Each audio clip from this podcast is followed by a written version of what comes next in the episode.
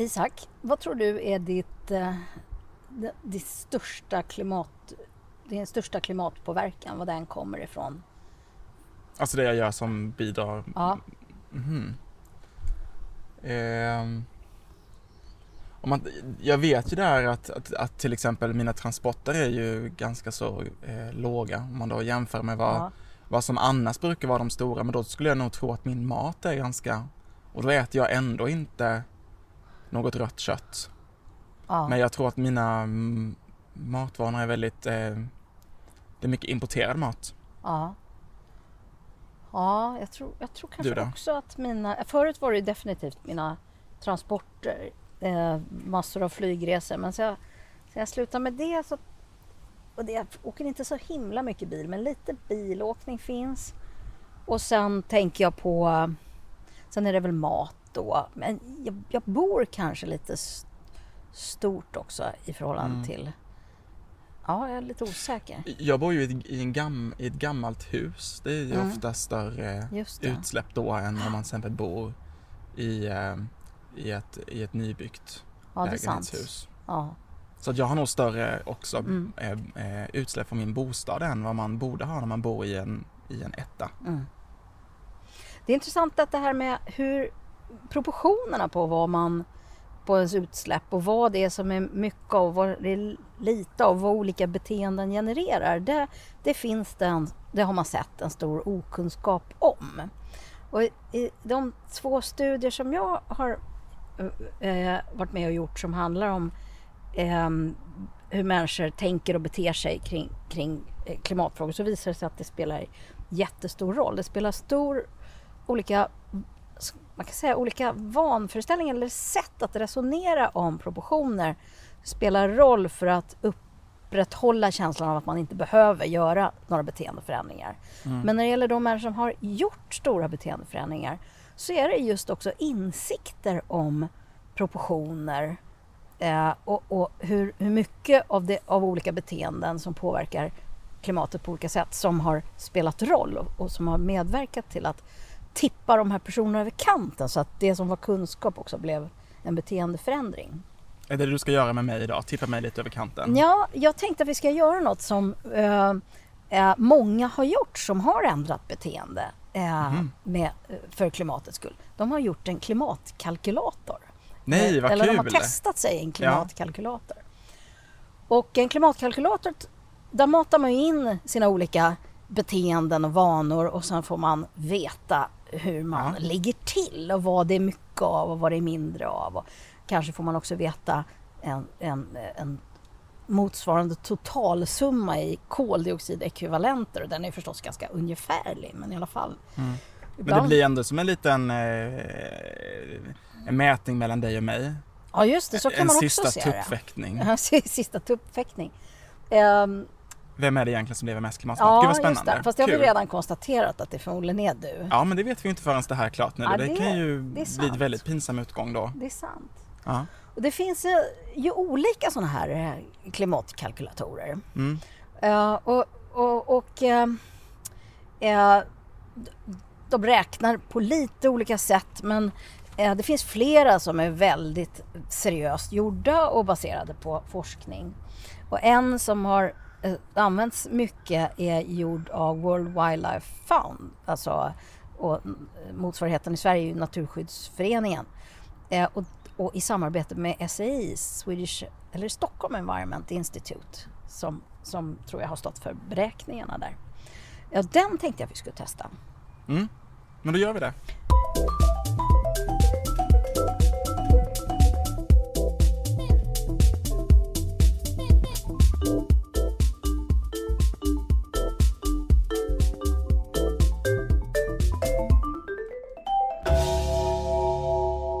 Hjärtligt välkomna till eh, podden Klimatgap med Isak Janehäll. Och Maria Wollrad Söderberg. Idag sitter vi i din hammock, eh, Maria, här i din trädgård. Ja, och vi ska prova klimatkalkylatorer. Ja, det ska vi göra. Och eh, först testar vi nu här, håller vi på och logga in här på klimatkalkylatorn.se. Det här är någonting man kan egentligen göra samtidigt här som oss när man lyssnar.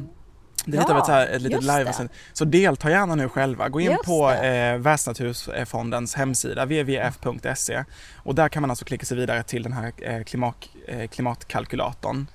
Så ska vi göra det här tillsammans här nu som en liten eh, eh, gemensam Ja, grej. Testa det Okej. tycker man då. och då är det så att man börjar med, verkar som, att fylla i eh, om bostaden här. Mm. Och då ska man först fylla i postnumret. Redan där alltså skiljer det sig kanske. Ja, för att det spelar tydligen roll. Hur sina grannar har det? Nej. Ja, jag kan tänka mig att det har att göra med temperaturer och sånt där, men det kanske inte gör. Det kanske har... Kanske Okej. vilken kommun man bor i, men de vet hur... Ja, Ja, vi får se sen. Mm. okej. Hur många bor hemma hos dig? Ja, det är en och en halv, men det finns inte riktigt. Ja, jag bor ju Två själv. då får det bli. Och inga barn. Inte här heller. Jag bor i lägenhet. Hur gammalt är det hem? Det var ju en sån här grej jag var lite Gammalt. orolig för. Okej. I en skala, oj här är en, en årsskala då. Mitt Om- hus är byggt 1949. Ja, fast den börjar ju på 1941. Dessförinnan är det bara gammalt. Ja, då får du ta Mitt, det. mitt är bara gammalt. och uppvärmningen är... Har bergvärmepump faktiskt. Nu missade du där hur stort bor du? Ja, det är en har jag. 81 för en person. Nej, ja, två. Okej då. Ja, jag har 35 för en. Så det är ändå, ni har mer per person. Ja, det är sant. Du Ja. leder. Yes. Har LED-lampor? Ja, alla är väl LED-lampor tror jag, eller motsvarande. Förnyelsebar el? Hmm, ja, det har vi faktiskt. Nu är du jättesnabb här för jag har fastnat på min uppvärmning. Ja, Fjärrvärme, direktverkande el. Fjärrvärme, det blir att någon annan levererar, levererar ja elen. den kommer färdig. Ja, Nej, precis. vär, värmen kommer färdig. Alltså ja, den... Uppvärmning, ja men precis. Jag har ingen pump i källaren. Nej. Hur många LED-lampor? Ja, alla. Mm, Använder det förnyelsebar el? Ja, det har faktiskt jag valt. mm. Tur. Jag gjorde det i morse Just det. Men då ska man komma ihåg att det är olika för uppvärmning och om man bor i en lägenhet. Så det är i allmänhet ett elavtal som är för elektriciteten och ett som är för uppvärmningen. Men å andra sidan så om uppvärmningen inte är el. Nej, då, det, det, det är nog rätt. Mm. Okej. Släcker du lampor och stänger av elprylar om de inte används hemma? Ah, fan, jag är lite Givetvis. dålig på det. För det mesta tar jag. Ja, för det mesta tar jag Okej. Då går vi över till maten här nu istället. Ja, Det är här jag trodde att jag var bäst. jag äter vegetariskt, inte veganskt. Och jag äter fisk och veggo. Och sen har vi hur mycket lägger du och ditt hushåll på livsmedel under en vecka? Gud, hur ska man veta det? Men har du inte koll på dina utgifter? Nej, inte... Men vadå på en vecka? 900 kronor eller väldigt mycket? Tycker ja. 900 kronor låter inte så jättemycket. Man lägger väl ändå ett par tusenlappar i månaden? ja, men om det är på en vecka, då blir Ja. det 900 är väl ganska mycket då. Och är det för en? Ja, det är för hushållet. Mm. Jag tror att det kan vara just runt sådär 900, kanske 1000 kronor. Det- Den hoppar så fort, från 900 till 1400. Mm. Det var det jag märkte. Fika och äta men- ute, och det är jättelite. På fika och äta ute under en vecka. 100 spänn räcker. 200 spänn lägger jag nog. Brukar den som handlar köpa närodlat och mat efter årstider? Ja, fast inte jämt. Vadå årstid? Det finns ett alternativ här också man kan svara. Va? Nej, det, det sämsta svaret man kan ge är vadå årstider? frågetecken. okej. Ja, Ja, jag men det kör- svarar inte jag. Jag ja, svarar, jag ibland. eh, jag tar med det ibland.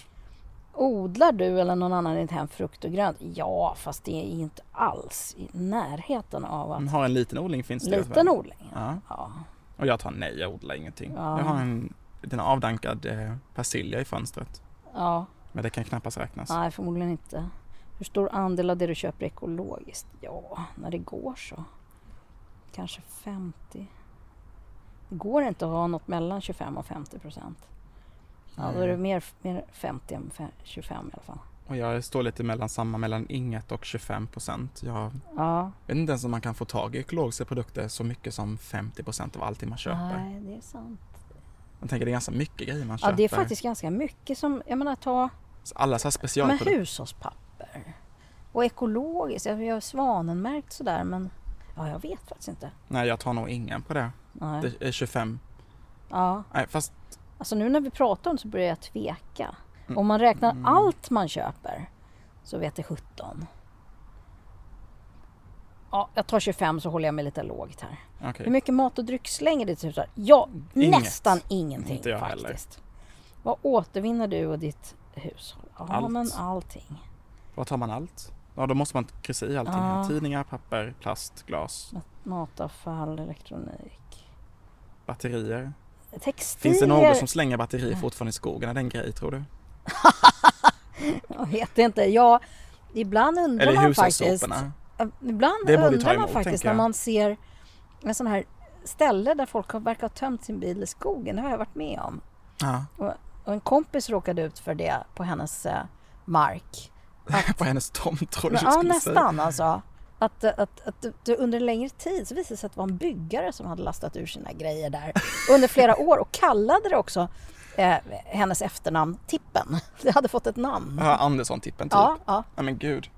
Ja, så kan man Okej, med. hur många fordon används privat i ditt hushåll under en vecka? Och vad säger man om det är mindre än, än en men inte inget? Okej, hur långt åker alla din, i ditt hushåll sammanlagt per vecka med buss? En medelsvensk åker 13 Tåg. kilometer i veckan. Men då tror jag att jag åker 13 kilometer. Noll. Nej, tåg. Det är utslaget då om man har några semesterresor med tåg. Pendeltåg åker jag däremot varje dag. Nästan. Nej, inte varje dag faktiskt när jag tänker efter. Ja, lite kluriga frågor här med antal kilometer. 60 kilometer då. Åker jag nog. Ja, tunnelbanan är inräknad här också. Ja, det står Ja, pendeltåg, spårvagn, tunnelbana. Men alltså det här är ju skitsvårt. Mm. Jag antar att jag, om det står att en medelsvensk åker 13 kilometer i veckan buss, då tror jag att jag gör det. Ja. Nu Mm. kommer vi till prylar och aktiviteter. Mm. Det är en grej man glömmer bort också, även när man räknar, tänker jag, eh, på global eh, eh, basis. Eller nationell. Vår konsumtion som ofta hamnar i andra länder, är det ja, inte så? visst. ja, det här är just sånt som ofta kläder, elektronik och möbler och så vidare som tillverkas någon annanstans. Mm. Hygienartiklar. Jag är väldigt ohygienisk uppenbarligen. Det köper jag inte mycket av. Vad skrev du då? Mindre än 100 kronor? Mm. Per, vad var det här nu? Mindre Per, än 200. Per månad? Ja men gud, det är ändå... Då lägger jag väl en hundralapp. Alla tror säkert att det är mindre än genomsnittet. Det har visat sig att, att det är en större andel som tror att de lever mer klimatsmart än genomsnittet eh, än vad som är proportionellt möjligt. Ja, okej, jag förstår. Ja, Men jag tror att jag lever under genomsnittet med detta. Med varor och tjänster. ja, Alltså, leksaker nej, böcker nej, husgeråd nej, frisör Nej. faktiskt väldigt sällan. Mer sällan vad jag hade velat. ja, Och jag tänker att jag är student också. ja, ja precis. Jag Mm, tror jag tar det, det faktiskt stämmer mindre. säkert. Men jag fattar ju att du vill att jag ska ta som genomsnittet här. Du, börjar, nej men du ser ju hur det tickar på här på min kalkylator. Ja, jo, jo, ja, du börjar jag bli lite rädd. Jag börjar bli lite rädd här. Ja. Hur ofta renoveras det i ditt hem? Sällan. Ja, sällan. Nu är jag klar. Oj, nu är jag med klar. Oj, oj. Dina utsläpp är störst inom biffen mat. Det var intressant. Mina är störst inom prylar och aktiviteter. Det var konstigt. Ja, det var konstigt faktiskt. Men kanske för att du är så lite på, på mat då? Ja. Okej, då har vi den stora frågan här nu då ju. Du lever som att vi hade, hur många jordklot hade du? 2,3. Men va? Jag hade 3,7. Ja, men det är ju inte möjligt. Var det min gamla bostad där som gjorde den då? Men min var ju också gammal. Men vad är det jag har svarat fel på då? Jag tror att jag minns att jag gjort det här någon gång tidigare och att jag har ganska höga på så här biobesök, eh, internet, telefonavgifter, Mm. många streamingtjänster och sådär. Okay. Men eh, jag fattar att den konsumtionen... Kör du vegetariskt? Ja, fisk och... Kan vara det då? Som drog upp det till mer än jag. Jaha, det här var ju ingen munter läsning Maria. Nej, Varför är det så här? men det är någonting konstigt tycker jag för att du borde ha lägre, lägre utsläpp än jag. Ja, men, Kan det vara att du äter fisk då ibland? mm. Ja, men det var ju från prylarna jag hade min största konsumtion. ja, det kanske det. Och ändå har jag inte köpt några vitvaror utan snarare sålt. Men hörru du, det jag tycker är mest anmärkningsvärt, jag kom ju upp i över fem ton. Ja, Och att jämföra med att vi måste ner till mellan en och, ett och två ton om vi ska Mm. klara Parisavtalet eller i alla fall tvågradersmålet per skalle. Det är ju jättemycket mer än vad det är. Ja, det är visserligen mycket mindre än, än Sverige-genomsnittet som är någonstans mellan 10 och 12 eh, ton. mm. Men det är ju ändå liksom oroväckande mycket. Eh, hur ska man göra liksom för, att, för att leva ett sånt liv där man... Det, det kanske inte ens är möjligt i vår kultur att Nej. leva ett liv där man hamnar på 1,5 till 2 ton. Jag tänker många av de där grejerna som man ofta pratar om att man ska göra för att sänka sina Mm. CO2-utsläpp som eh, drar in på sina eh, flygresor till Mm. exempel, äta mer vegetariskt. Så där har du och jag ju båda två svarat ganska så i linje med vad kanske som vi tänker skulle vara rimligt. Mm. Det blir, borde bli en väldigt dyster läsning då för dem som Ja, därför att det är ofta så stora utsläpp. Alltså, det är ganska många eh, som flyger, som det var för mig, kanske fyra till fem gånger per år. Då blir eh, utsläppen från flyget lätt den största posten. mm, Är kanske större än någon annan post eh, sammanlagt. mm, Eller en, eh, större än alla de andra posterna menar jag. Sammanlagt, så var det för mig. ja, Det var ju chockartat. Och det som var positivt i det var ju att det var ju rätt lätt att skära ganska mycket. Man kan säga att tänker. just flygresorna var en lågt hängande frukt. Och, och sen är eftersom eh, jag jag inte har ätit kött sedan jag var liten så var det ju inget svårt att fortsätta med det såklart. Men för de som eh, får en hög, höga utsläpp från kött eller fisk så är det också en rätt lågt hängande frukt. Fast det är ju kanske en vana som är mycket svårare att ändra på. Så nu ska du och jag plocka snarare de här jättehögt hängande, lite Men nu blir det jobbigt frukterna. för nu ja, måste vi plocka nu måste vi hämta stegen. Ja, nu måste vi plocka frukter som är mycket svårare att, Ja, på sätt och vis.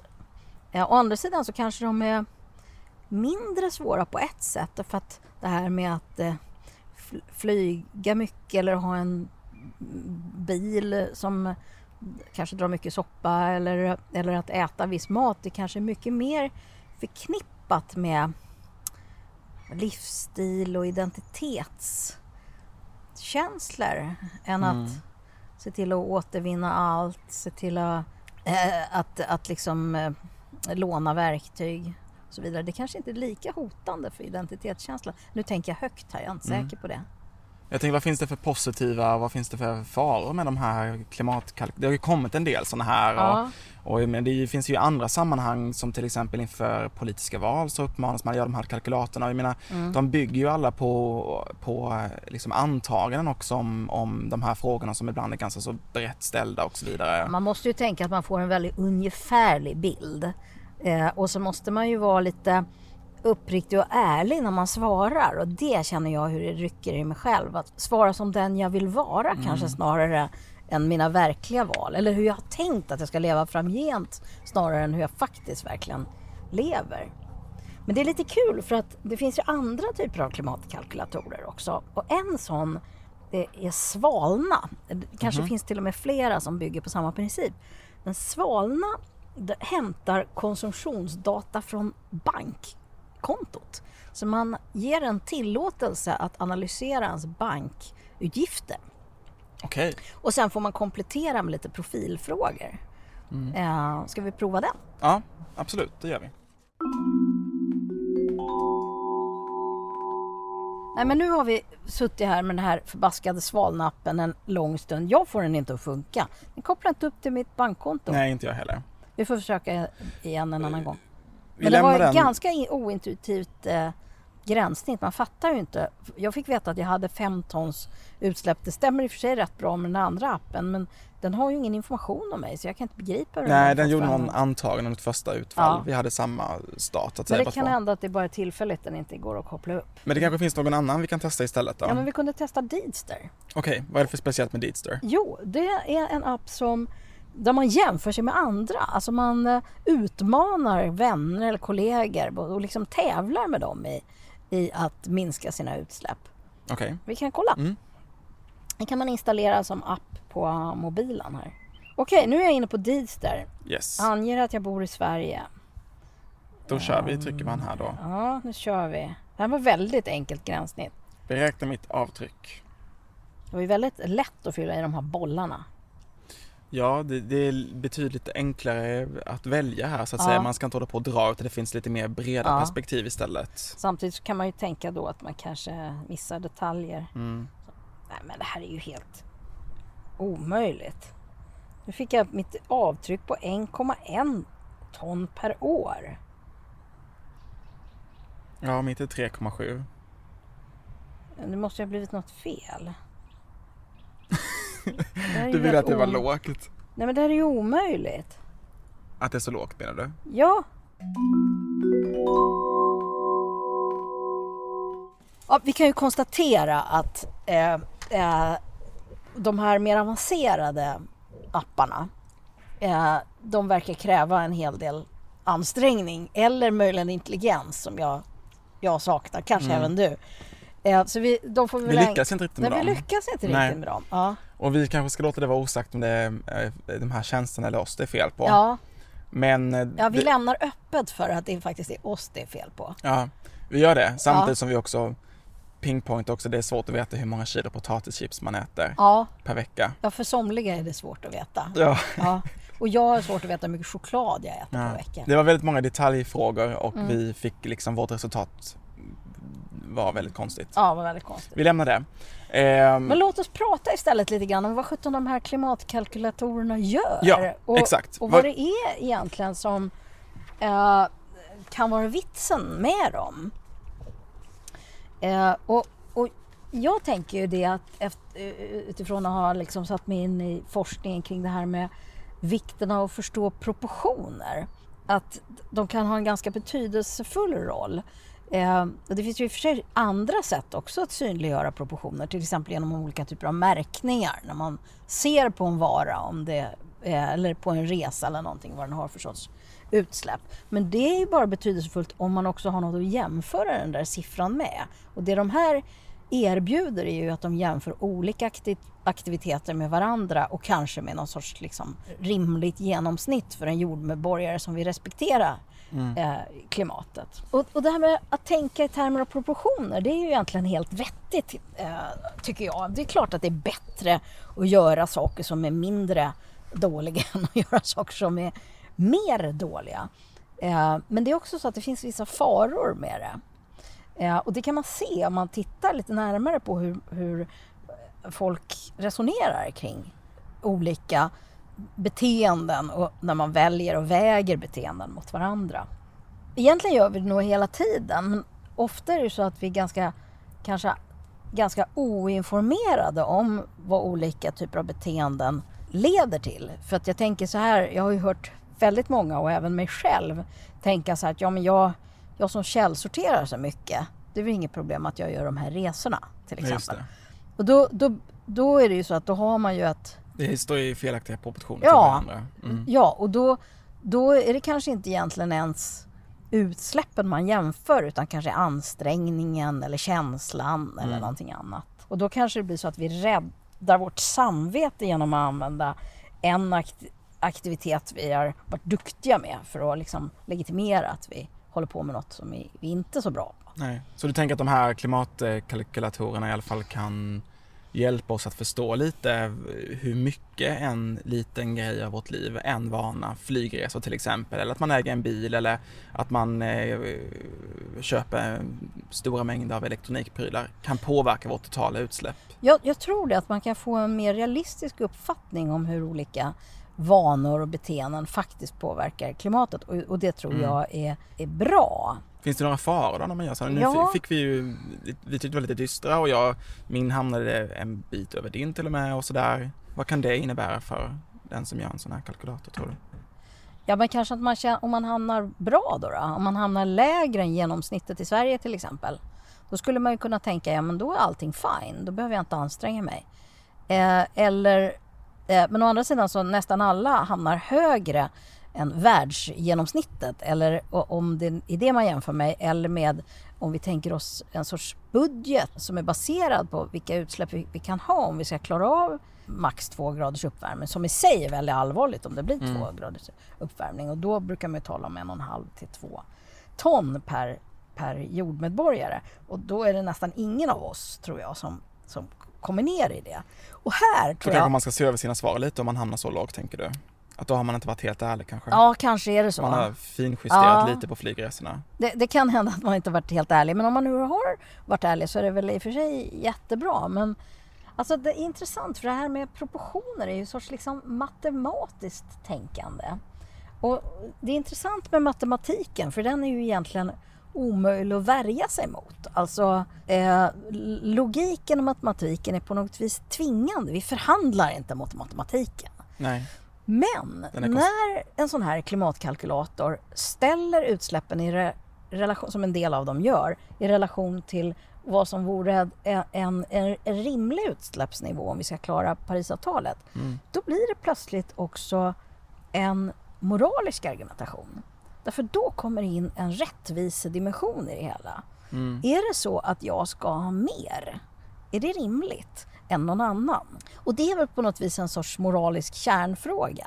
Så att det, det är inte så att det är en rent, så att säga, rationell eh, i bemärkelsen enbart logisk diskussion eh, som de här kap- klimatkalkylatorerna öppnar för utan de öppnar också för, eller kan i alla fall om, om, de, om de för in sådana parametrar, så kan de öppna för en moralisk diskussion. Och det är där, på den punkten, som det verkar ha betytt någonting för folk som ändrar beteende efter att ha gjort en klimatkalkylator. De har fått syn på hur deras utsläpp eh, förhåller sig till vad som är rimligt om vi ska ha en hållbar värld. Så det är exakt hur många ton och hur många jordklot så där man använder så att du och jag jämförde lite sinsemellan kanske inte den viktigaste insikten då egentligen. Nej, kanske är den viktigaste insikten att det är mycket. Därför att väldigt många av oss tror att vi är, många svenskar tror att vi har låga utsläpp, att vi är väldigt duktiga. Och de flesta jag känner som har gjort en sån här, sån här klimatkalkylator har fått en chock. Det tror jag är en viktig insikt. Ja. Och en annan insikt är att den här jämförelsen med, ett sorts, med, ett sorts, eh, med en sorts klimatbudget så att säga. Och det tredje viktiga insikten tror jag är detta att man ser vad det är av det man gör som betyder mer och vad som betyder mindre. Eh, så man inte gör det här misstaget att man eh, tänker att man kan källsortera bort sin resa. Nej, just det. Jag tror att vi har en benägenhet att, att vi, har, vi jämför oss alltid med andra. Men ofta så jämför vi oss med, i, i sådana här klimatsammanhang med dem runt omkring oss. Och helst jämför vi oss med dem som är värre. Mm. Men här tvingar det oss att jämföra oss med någonting annat. Du tänker andra eh, medborgare i andra länder Ja, kanske en sorts liksom, eh, global Ja, eh, Mm. eh, nivå. Och det tror jag också fyller en funktion. Att på sätt och vis byter vi perspektiv då. Vi kan, man, då kan man liksom börja ompröva idén om vad som är normalt. Mm. Eh, men det, det var det ena. Men det andra är att det faktiskt eh, motverkar en väldigt problematisk effekt som man har sett att folk har. Som är, att, eh, eh, som är kompensationstänkande. Mm. Och det är benägenheten att räkna mindre dåliga lösningar som plus på vårt klimatkonto. Då tror vi att vi sen har något att ta ut. I, Som ett litet kreditkort. Ja, i princip. eh, Det var något eh, amerikanskt experiment. Jag kommer inte ihåg om vi redan pratat om det här i, Klimatgap. Där folk fick köpa en, en hamburgare och en eh, den ena gruppen och den andra gruppen fick köpa en hamburgare och ekologiska morötter. Mm. Och då betraktade gruppen som hade köpt hamburgaren och de ekologiska morötterna, eller vad det nu var, jag kommer inte Nej, jag faktiskt förstår. ihåg exakt. De betraktade sin måltid som mindre, eller som mer hållbar än Mm. de som hade bara köpt hamburgaren. Man tyckte att det nyttiga, ekologiska var lite plus minus noll med det röda köttet på något sätt. Ja, på något sätt. Och det, den mekanismen är ganska intressant. Att vi, vi tänker att eh, eh, de ekologisk, om vi köper ekologiskt kaffe så ger det oss ett plus på konton som vi kan använda till något annat. Men det bästa är ju naturligtvis inte att köpa kaffe alls. Exakt. Men så kan man ju inte resonera om väldigt basala saker som eh, ris eller potatis för någonting måste du ju ändå äta Mm.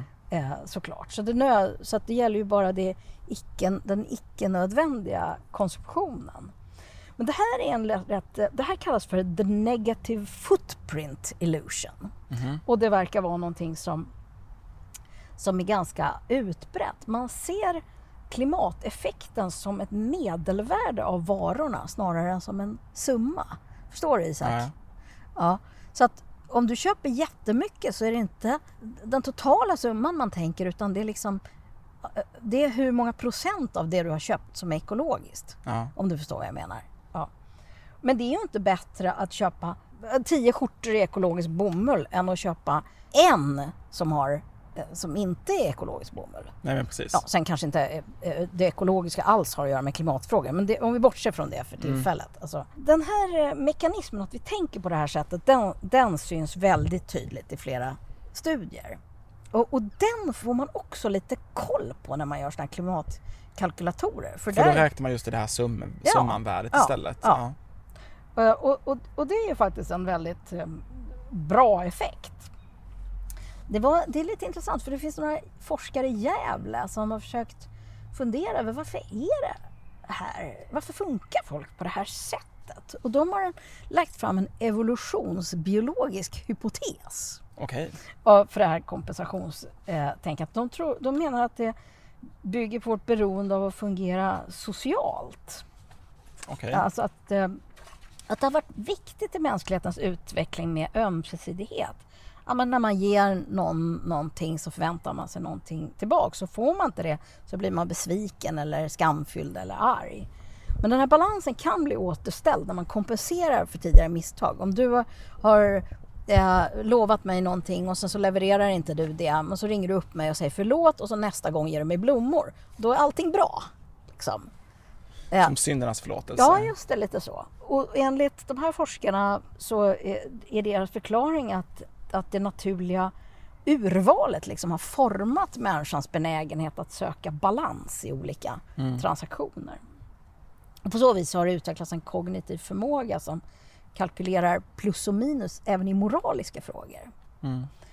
Eh, goda och dåliga gärningar kan ta ut varandra, tänker vi. Eh, och det finns faktiskt flera andra studier som också visar att, att människor kan ha en benägenhet att om de har gjort goda gärningar då tycker att det är mer okej okay att göra lite själviska gärningar.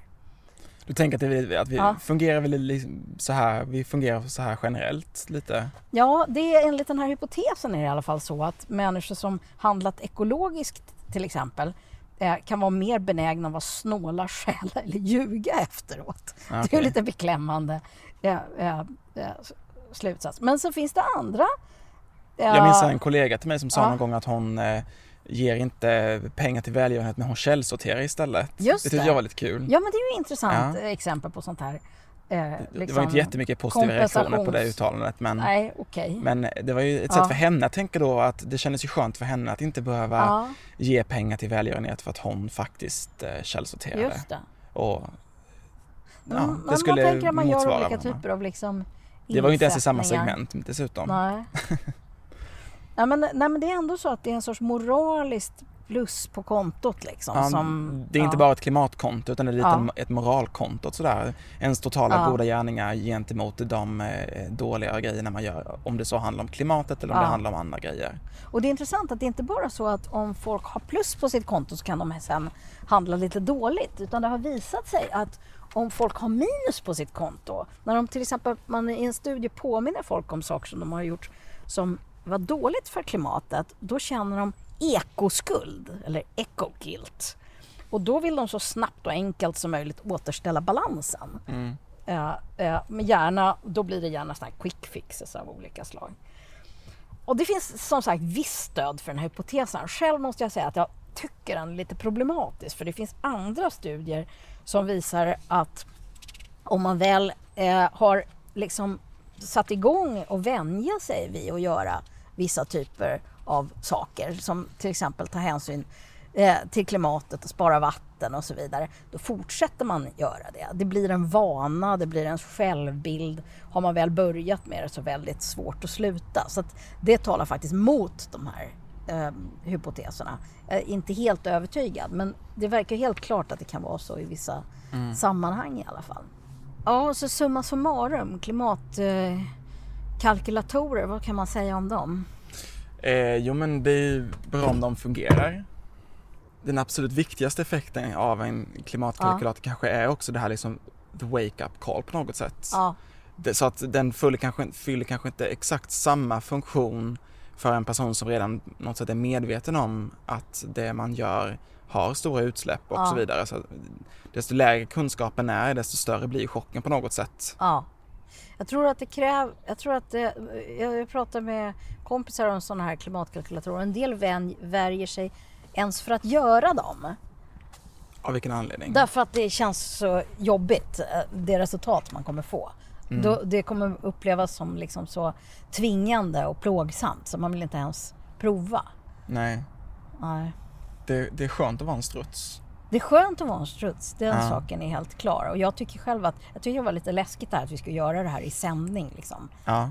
Men det läskiga var ju att det visade sig då enligt den här faktiskt Ja. gjorde att jag hade högre utsläpp än vad du hade. Ja, men jag, jag tror inte på det. Det måste vara något fel. Ja, jag tror att jag har Det känns skönt för min del att du Jo. tror det.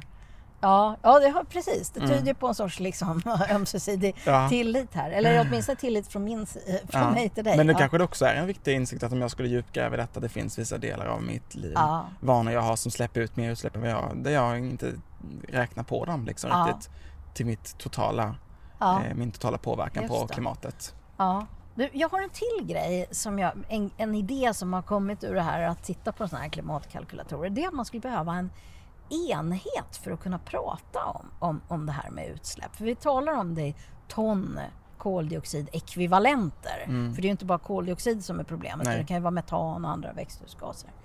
Men vi pratar ju också om antalet jordklot, eller? Ja, och vi pratar ibland om antalet jordklot, men det är väl ganska svårt att omvandla saker och ting till jord, jordklot. Jag menar, hur många jordklot är en banan? Alltså om du förstår vad jag menar. Mm. Det, och då, då, jag tänker att det skulle behövas en sorts enhet som motsvarar den här...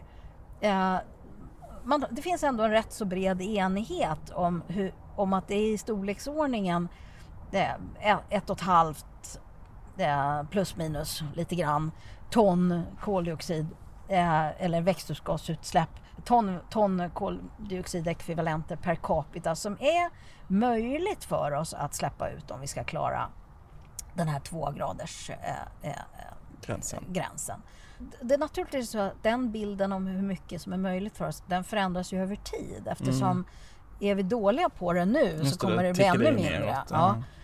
Men man skulle behöva en enhet som säger att ja, men, den här soffan, Mm. vi, vi, vi, vi hittar ett hittepånamn Ja just för det, den ja, här jag förstår vad du menar. enheten.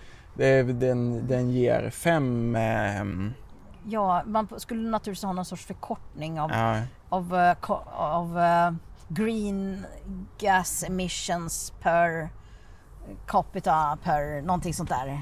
GGE, alltså någonting Ja, sånt. exakt. Någon sån här förkortning. och du menar då man skulle kunna jämföra olika varor och tjänster med varandra ja, också? då skulle man veta att den här, den här cykeln den motsvarar 0,7 ja, GGE Mm. och den här ehm, ehm, soffan motsvarar det här och det här. Mm. Ja, Jag förstår för det är så himla svårt att, att, att tänka sig att ja, om det här är så här många gram eller det här är så många kilo. För det blir, Ja, men vad säger 50 kilo eh, koldioxid? ja, ja, särskilt om man inte har något att jämföra Nej, med. exakt. Liksom. Eh, Jag tycker vi skulle behöva en sån Ja. enhet. Enkelt att jämföra då? Ja, enkelt att Ja. jämföra. Men problemet är att det behöver en enhet som förändras över tid. och Just det. sådana enheter är irriterande. Helst skulle man ju vilja att en enhet ska vara fast så att säga. Det får vara en sån här eh, Ja. digital, eh, som en digital prisskylt i butiker som kan ticka ner automatiskt. Det kan ju inte vara Ja. utskrivna siffror så att säga. Ja, det har du rätt i. Jag menar, priser förändras ju över tid. Ja, det tycker vi inte är det något får bara konstigt. ticka ja. neråt hela tiden för varje dag. Idag är soffan 5 GGE Ja. och eh, imorgon är den 4. ja, precis. Just det. Så jag köpte den idag. Och det gäller att skynda sig. Skynda innan. Skynda och konsumera Ja men exakt. medan tid är. Ja. Det får bli slutord här i, Det i, i, i slutord, det här ja. avsnittet av, av eh, Klimatgap. Tack så mycket för, för fikan Maria och för den här mysiga stunden i din hammock. Ja, tack Ja. Isak. På trevligt. återseende. Ja.